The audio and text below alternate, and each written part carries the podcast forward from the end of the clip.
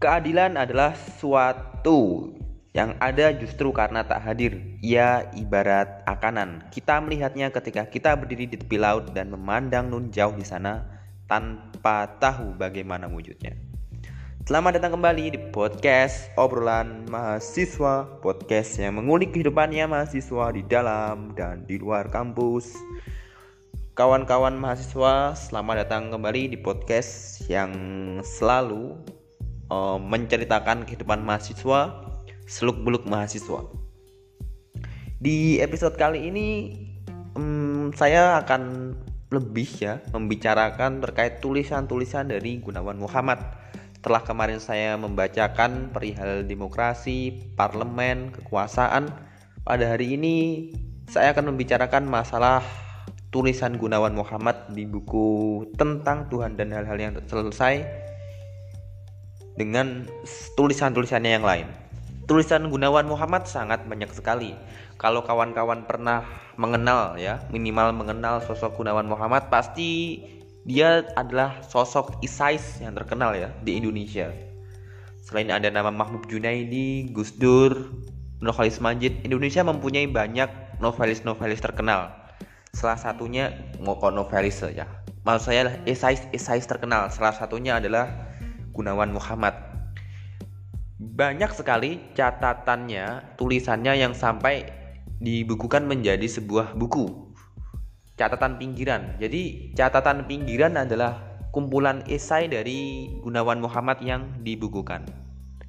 Dan dalam buku tentang Tuhan dan hal-hal yang tak selesai, Gunawan Muhammad juga menuliskan sebuah apa? Menuliskan banyak tulisan yang tentunya menarik untuk dibacakan ya sampai mungkin satu episode lagi atau dua episode lagi saya akan membacakan tulisan dari Gunawan Muhammad. Saya pikir membaca tulisan-tulisan seperti ini ini memang sangat dibutuhkan oleh mahasiswa untuk mengasah jiwa-jiwa pemahaman, jiwa-jiwa kritisnya ini perlu ditumbuhkan. Tidak mudah kawan-kawan, saya sendiri mengalami memang tidak mudah memahami tulisan Gunawan Muhammad di buku ini sulit dipahami sesuai dengan judulnya ya hal-hal yang tak selesai tidak hanya satu atau dua kali bahkan bisa berkali-kali untuk bisa memahami tulisan dari Gunawan Muhammad ini. Oke, tidak usah panjang lebar, langsung saja saya akan membacakan tulisan dari Gunawan Muhammad yang pertama. Keadilan adalah sesuatu yang ada justru karena tak hadir. Ia ibarat akanan, kita melihatnya ketika kita berdiri di tepi laut dan memandang nun jauh di sana tanpa tahu bagaimana wujudnya. Ia kosong yang selain kolong kosong yang dapat diberi nama dan ditunjuk. Ia absensi yang mengimbau, tandanya luka pedih yang terjadi ketika ketidakadilan menguasai ruang. Mungkin itulah sebabnya riwayat pergolakan sosial di Indonesia adalah riwayat orang-orang tertindas yang menantikan yang tak ada. Ratu Adil semakin absen keadilan, semakin yakin orang-orang ia akan muncul secara dramatis di hari akhir. Akhirnya sejarah adalah kisah orang-orang yang mencicil dalam penantian itu manusia menembus yang absen dengan mencoba merawat keadilan dengan K tiap hari bagaikan merawat kelapisan humus di ladang kebersamaan. Keadilan dengan K tentu saja tetap disimpan dalam kamus meskipun kamus itu tak dapat mendefinisikannya dan mengurungnya. Setelah 11 September 2001 Kebrutalan dimulai dengan perebutan makna apa gerangan yang adil, yang benar, siapa yang berupa malah. Dan ketika perang terjadi, apa pula arti kata itu? Perang di abad yang lalu sebelum ia diculik dari kamus. Kata itu berarti sebuah ikhtiar dengan kekerasan untuk menang atas lawan antara dua atau lebih negara yang punya batas, pusat, dan pemerintahan tertentu. Kemenangan ditandai dengan saat ketika ia yang dikubu seberang takluk dan perlawanan berhenti. Tapi itulah yang tak akan terjadi dalam perang melawan terorisme. Sama halnya dengan perang melawan ketidakadilan atau perang melawan kekufuran. Perang ini sebuah metafor yang tergambar adalah upaya yang mempertaruhkan segala hal untuk berhasil. Meskipun terorisme seperti juga ketidakadilan dan kekufuran tak punya pusat yang bisa menyatakan diri kalah dan kita berhasil, Tak ada aturan yang menentukan ukuran menang ketika musuh kalah. Tak ada otoritas yang menandatangani pernyataan takluk. Tapi hari-hari ini perang metaforik telah ditafsirkan dan dilaksanakan secara harfiah. Sebuah kecenderungan yang lazim bagi mereka. Orang-orang fundamentalis Kristen ataupun Islam yang takut ketidakkiasan. Maka bom, bedil dan beribu beribu-ribu orang pun bunuh-membunuh. Seraya tak mengakui bahwa akhir sebuah metafor selamanya tertunda tulisan kedua dari Gunawan Muhammad yang dalam buku ini merupakan tulisan ke-91. Dengan menerima metafor kita tahu bahwa pada mulanya bukanlah kata melainkan tafsir. Dunia menyentuhnya sepanjang perjalanan ruang dan waktu mengubahnya. Memang mencemaskan jika yang kekal juga tanda-tandanya tak hadir di antara kita. Masa lalu akan terasa bodoh dan masa depan hampa. Tapi kesalahan kita selama ini telah menyimpulkan bahwa jika yang kekal mustahil bergabung dengan yang fana, maka ia sebenarnya tak ada atau sebaliknya, yang fana kita anggap yang berdosa. Tulisan ke-92 di buku tentang Tuhan dan hal-hal yang tak selesai. Harus kita akui bahwa yang fana mengasihkan, kabar datang, pergi, informasi melintas cepat-cepat. Mungkin sebab itulah orang membangun monumen, memahat dan adalah mengingat. Atau sebaliknya, sejarah ingin dipahat, dituliskan dengan huruf kapital S. Tapi segala yang datang dan pergi tak bisa tersusun dalam kronologi dan tema besar. Mereka terus mengerumuni kita, merasuki kita, dan sejarah pun seakan-akan mengguncang nafas capek dan gaek di hadapan kini. Kini itu tak kunjung berhenti yang terpeluk oleh sejarah hanya sisa apa yang telah lewat. Reruntuhan. The side of history rise of rise. Entah kenapa, saya teringat potongan kalimat Derek Walcott itu, sang penyair Karibia dengan melukiskan sebuah sore di sebuah dusun Trinidad ketika orang-orang keturunan India mempertunjukkan satu versi Ramayana di lapangan desa. Bendera warna-warni berkibar, bocah-bocah berpakaian merah dan hitam mengarahkan panah mereka ke cahaya setelah siang. Dan di arah sana tampak dua bangunan bambu, bagian dari patung dewa yang nanti akan dibakar. Para penabuh Tabla telah menyalakan api, langit mulai gelap, burung-burung ibis yang kemerahan terbang pulang. Di lapangan itu, para aktor Ramayana di dusun Trinidad itu bukan hendak menegakkan kembali masa lampau. Mereka hanya ingin bermain, menjalankan ritus. Landscape itu sebuah lapangan yang hidup dan hirup. Kejadian itu bukan wakil sebuah periode, secuil contoh sebuah zaman. Di sini pun suara sejarah luruh, the side of history, dissolves. Tapi bisa sejarah tak mampu menyusun peta waktu dengan cara apakah kita mampu membaca garis hidup dan memahami dunia? Mungkin kita tak perlu apa pun. Di tahun 1945, Soekarno salah seorang yang mempersiapkan konstitusi pertama Indonesia mengatakan dengan sebuah republik tak bisa didirikan dengan isi seadanya saja. Banyak negeri katanya berdiri di atas suatu will stone ya ya mungkin tak. Menyadari bahwa pandangan dunia itu sebenarnya meringkus hidup. Itu tulisan ke-92 dari Gunawan Muhammad ya. Sebenarnya tulisan dari Gunawan Muhammad ini sangat luar biasa. Maknanya sangat dalam. Catatannya satu kalau kita bisa memahami. Ya bagi saya memang kalau saya pribadi ya secara subjektif itu saya tetap apa kesulitan. Memang kesulitan memahami tulisan seperti ini ya tulisannya memang gak sulit dipahami. Tapi ketika kita berhasil memahaminya kita berhasil apa ya mengerti maknanya ya secara luar biasa. Memang luar biasa sekali tulisan dari Gunawan Muhammad ini.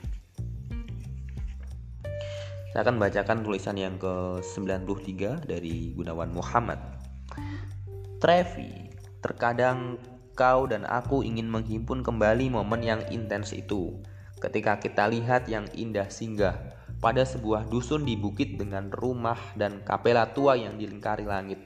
Pada kebun yaitun yang kena warna terakhir matahari, kita tak hendak berpaling. Terkadang kau dan aku ingin mendapatkan mukjizat itu. Mukjizat, kau bilang, adalah kata yang dipakai Rachel Bestapov ketika ia membicarakan puisi Iliad. Mukjizat terjadinya pergulangan yang tak mungkin terjadi. Betapa benar puisi kita lahir dari dorongan untuk mengulang momen batin yang intens itu, untuk mencapai yang tak mungkin itu. Bahkan kitab suci tak bisa menyembunyikan puisinya sendiri, seakan-akan pada tiap kata yang indah melintas lagi, melontarkan percikan dunia dan menyentuhkan sesuatu yang lebih ketimbang dunia, sebuah ilusi yang sering tak kita akui sebuah ilusi bahwa keabadian bisa jadi. Tulisan ke-94 dari Gunawan Muhammad di buku Tentang Tuhan dan Hal-Hal yang Tak Selesai. Rio de Janeiro, di pucuk bukit Corcovado yang bongkok, tubuh Kristus menjulang 38 meter ke atas. Menyembul di atas awan pagi, tangannya seperti mendepa langit. Patung raksasanya terpanjang 700 meter di atas permukaan laut. Ini seakan-akan melihat jauh ke bawah dan berpesan, Akulah harapan. Lewat bukit-bukit hutan tropis yang hijau akan tampak kota Rio. Ratusan bangunan tinggi beratap papak yang berhimpun dari sudut ke sudut. Seakan-akan semuanya dirancang dengan serentak. Kota ini seperti kota-kota lain memang tergesa-gesa. Siapa yang bisa punya seluruh waktu keabadian itu? Di pucuk bukit Sibong, Kristus penembus yang tegak tinggi itu mungkin sebuah impian untuk menangkap keabadian yang selalu luput. Tangannya terentang 20 meter seakan-akan dengan tenang menahan zaman, mengabarkan harapan dan jika kita lihat dari arah kakinya, wajahnya berada di dekat langit yang tak berubah. Tapi sebetulnya saya tak bisa menangkap apa gerangan yang hendak diutarakan monumen dari batu abu-abu ini. Para Yesus dalam pahatan Art Deco tahun 1931 itu rapi dan apik dengan senyum tersinggung di bibir tapi tanpa patos tak ada kepedihan dan rasa bebas dalam sang penembus. Kristo Redentor ini hanya jauh, tinggi, menarik, dan bisa kita capai dengan naik lift. Turis-turis pun datang memotret di bawah pedestal baru marmer atau sebuah ceruk yang dibuat untuk sebuah kepela kecil. Di ruang itu tampak sebuah altar modern Tiga deret kursi kayu dengan punggung tinggi yang dipermis lebih mirip sebuah bar. Seorang paus pernah datang ke sini, tapi masih bisakah orang berdoa sebenarnya? Hari ini tak ada orang yang berdoa, tapi mungkin ini memang bukan tempatnya.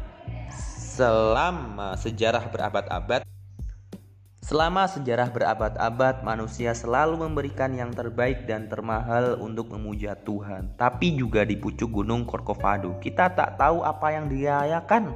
Kebesaran Tuhan atau kebesaran manusia yang mampu membangun sesuatu yang dahsyat tentang kebesaran Tuhan. Mungkin karena saya hidup di zaman ketika kesalehan tampak di mana-mana, tapi bersama itu juga berkerumuk kekuasaan manusia menatap Kristo Redentor di Gunung Brazil, mengunjungi masjid megah di Mekah dan Maroko. Kita memang mau tak mau menyaksikan sesuatu yang tak terus tenang diakui. Manusia telah menaklukkan yang suci secara diam-diam. Tulisan ke-95 dari Gunawan Muhammad di buku tentang Tuhan dan hal-hal yang tak selesai. Sejarah tak pernah mengenal senjakala bagi berhala. Ketika Marion berbicara tentang berhala konsep, agaknya dengan masgul ia melihat bagaimana sebuah konsep tentang Tuhan telah menggantikan Tuhan itu sendiri. Kita harus mengakui bahasa selamanya terlibat dalam kemusyrikan yang mahal lain asing bagi tata simbolik.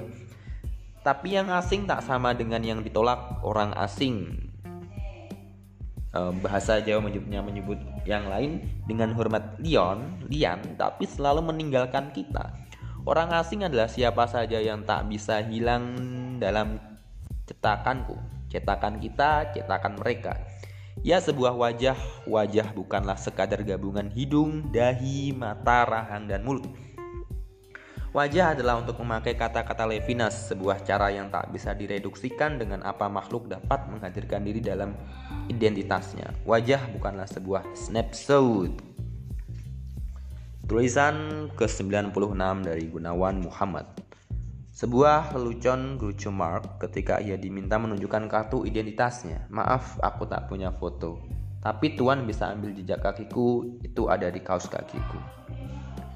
Ada foto, ada jejak kaki. Yang pertama perwujudan diri yang terang, tapi yang sering dilupakan, foto adalah buah kelaziman kelaziman manusia selama ribuan tahun untuk menuntut visualisasi. Tuntutan yang kian meluas sejak Plato, kita hidup dalam kebudayaan okulesentris hampir sepenuhnya kita mengartikan yang diketahui sama dengan yang tampak. Dan segala sesuatu yang berkaitan dengan mata pun berjibun memenuhi bahasa. Kebudayaan okulosentris memang mendatangkan berbagai teknologi visual yang menakjubkan, tapi ada sejarah kekuasaan yang tak dapat diabaikan ketika ruang dibaca sebagai peta, sabda sebagai kitab, dan gelap dianggap kekurangan. Seperti kata Derrida, ada pertemanan yang kuno dan rahasia antara cahaya dan kekuasaan. Sebuah foto adalah hasil sebuah proses yang agresif, memang memakai kata shooting and shoot di sini sebagai tanda identitas. Ia disahkan oleh kekuasaan yang menyusun tata simbolik, bahasa hukum, adat negara. Ia dipatok dan dikerangka oleh tata itu. Hai, lihat orang negro. Seru seorang anak kecil di sebuah jalan di Paris waktu melihat Franz Fanon lewat. Fanon dengan segera tahu siapa gerangan dirinya tak ditentukannya sendiri. Itu sebabnya ucapan Groucho Marx seraya melawak merupakan perlawanan ia tak meletakkan foto dalam posisi yang menentukan. Ia menunjuk unsur dua dan dalam dikotomi kita, jejak kaki di kaos kaki. Yang terbayang dari kata-kata itu adalah bekas perjalanan, tanda-tanda yang maknanya serba mungkin dan sesuatu yang besok kita terhapus oleh perjalanan baru. Selanjutnya, tulisan ke-97 dari Gunawan Muhammad. Perjalanan yang didikte oleh peta didahului dengan kekerasan kepada ruang. Di sana selalu ada perbatasan, garis-garis yang menutup dan menampik. Tapi manusia beruntung. Teropong dan peta tak pernah menangkap dan menggambarkan segala-galanya. Ada pantai dan pantai adalah tepi, juga gambar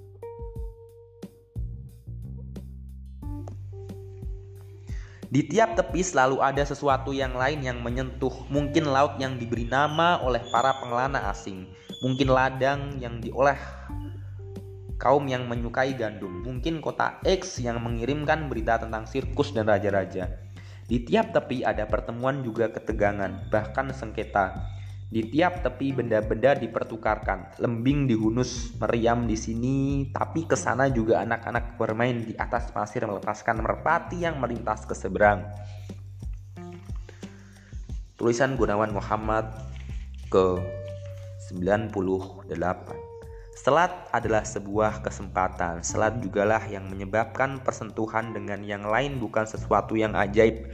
Bukan seperti ketika Nun di sebuah gurun yang kosong dan luas datang seorang musafir dengan topi yang ganjil dan kita bertanya, Dewi kah Tuan? Atau iblis?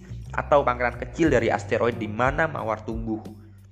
Di tiap pantan yang menggaris selat, yang lain singgah dengan mudah. Terkadang ia sebilah papan dari jung Cina yang pecah, bangkai pelaut berterangi yang dibukul badai, sebuah peti hanyut yang penuh dengan kain bersulam tak bertanda. Terkadang ia muncul dengan kapal yang mengeluarkan asap pekat atau sekoci dengan trompet yang serak dan para petani yang tak terjun berperjemah. Tapi kita tak menyingkir. Tulisan Gunawan Muhammad ke-99 atau yang terakhir dalam buku Tuhan dan tentang Tuhan dan hal-hal yang tak selesai.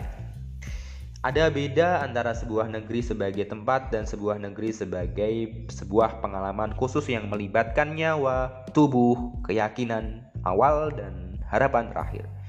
Di Indonesia, orang akan mengerti kenapa sebuah negeri disebut tumpah darah, imagine community. Ini tak uh, hanya dianggit dalam kesadaran kita tak mengatakan. Aku berpikir maka Indonesia ada.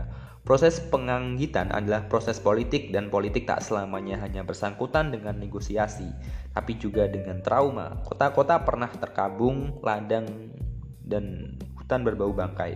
Di bawah bendera yang berkibar, orang-orang berdiri dengan pandang yang tak bisa diperhitungkan oleh mereka yang yakin seperti Habermas.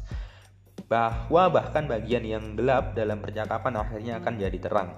Tapi mungkin justru sebab itu negeri ini bisa begitu berarti bagi seseorang, bahkan dari rantau eksil yang jauh. Tanah air yang tak bisa kulupakan, kata lagu yang digugah oleh Ibu Sud, saya dan saya kira beribu-ribu orang lain, selalu menunduk mendengarkannya. Ucapan terakhir dari Gunawan Muhammad yang kiranya juga perlu saya bacakan, saya sangat menghormati beliau sebagai seorang isais yang luar biasa yang karya-karyanya juga sangat fenomenal fenomenal. Dan saya meyakini karyanya saat ini masih relevan untuk dibaca untuk dibahas.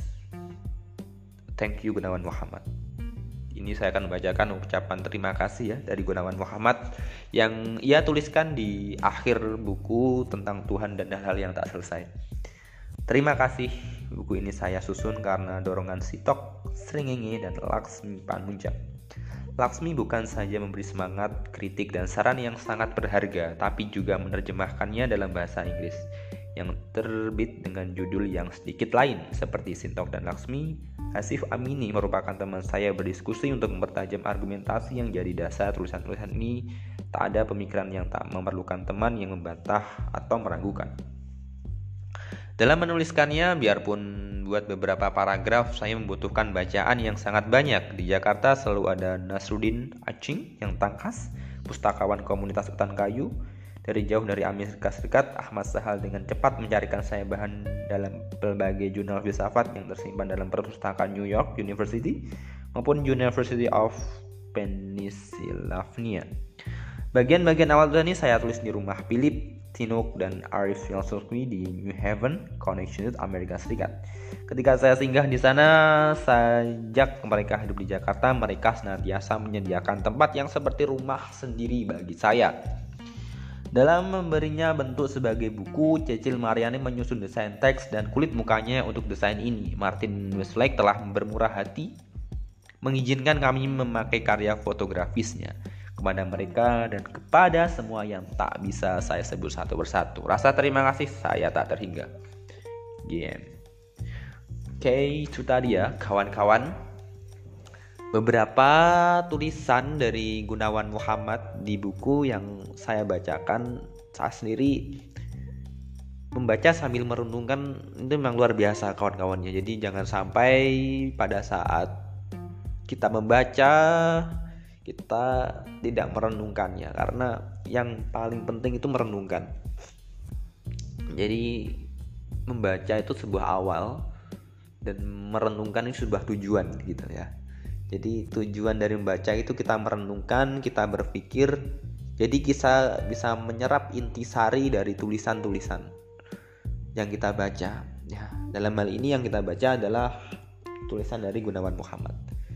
Sosok esais yang luar biasa tulisannya sangat fenomenal. And thank you Gunawan Muhammad. Oke kawan-kawan segitu dulu ya untuk episode kali ini. Ya saya mohon maaf. Mungkin selama dua episode ini hanya bisa menyajikan apa ya, membaca ulang ya mereka ulang tulisan dari Gunawan Muhammad tanpa memberikan subjektif atau ya, argumentasi terkait mahasiswa di dalam dan di luar kampus itu ya Terima kasih telah mendengarkan episode ini. Sampai jumpa di episode berikutnya and see you next episode. Bye bye.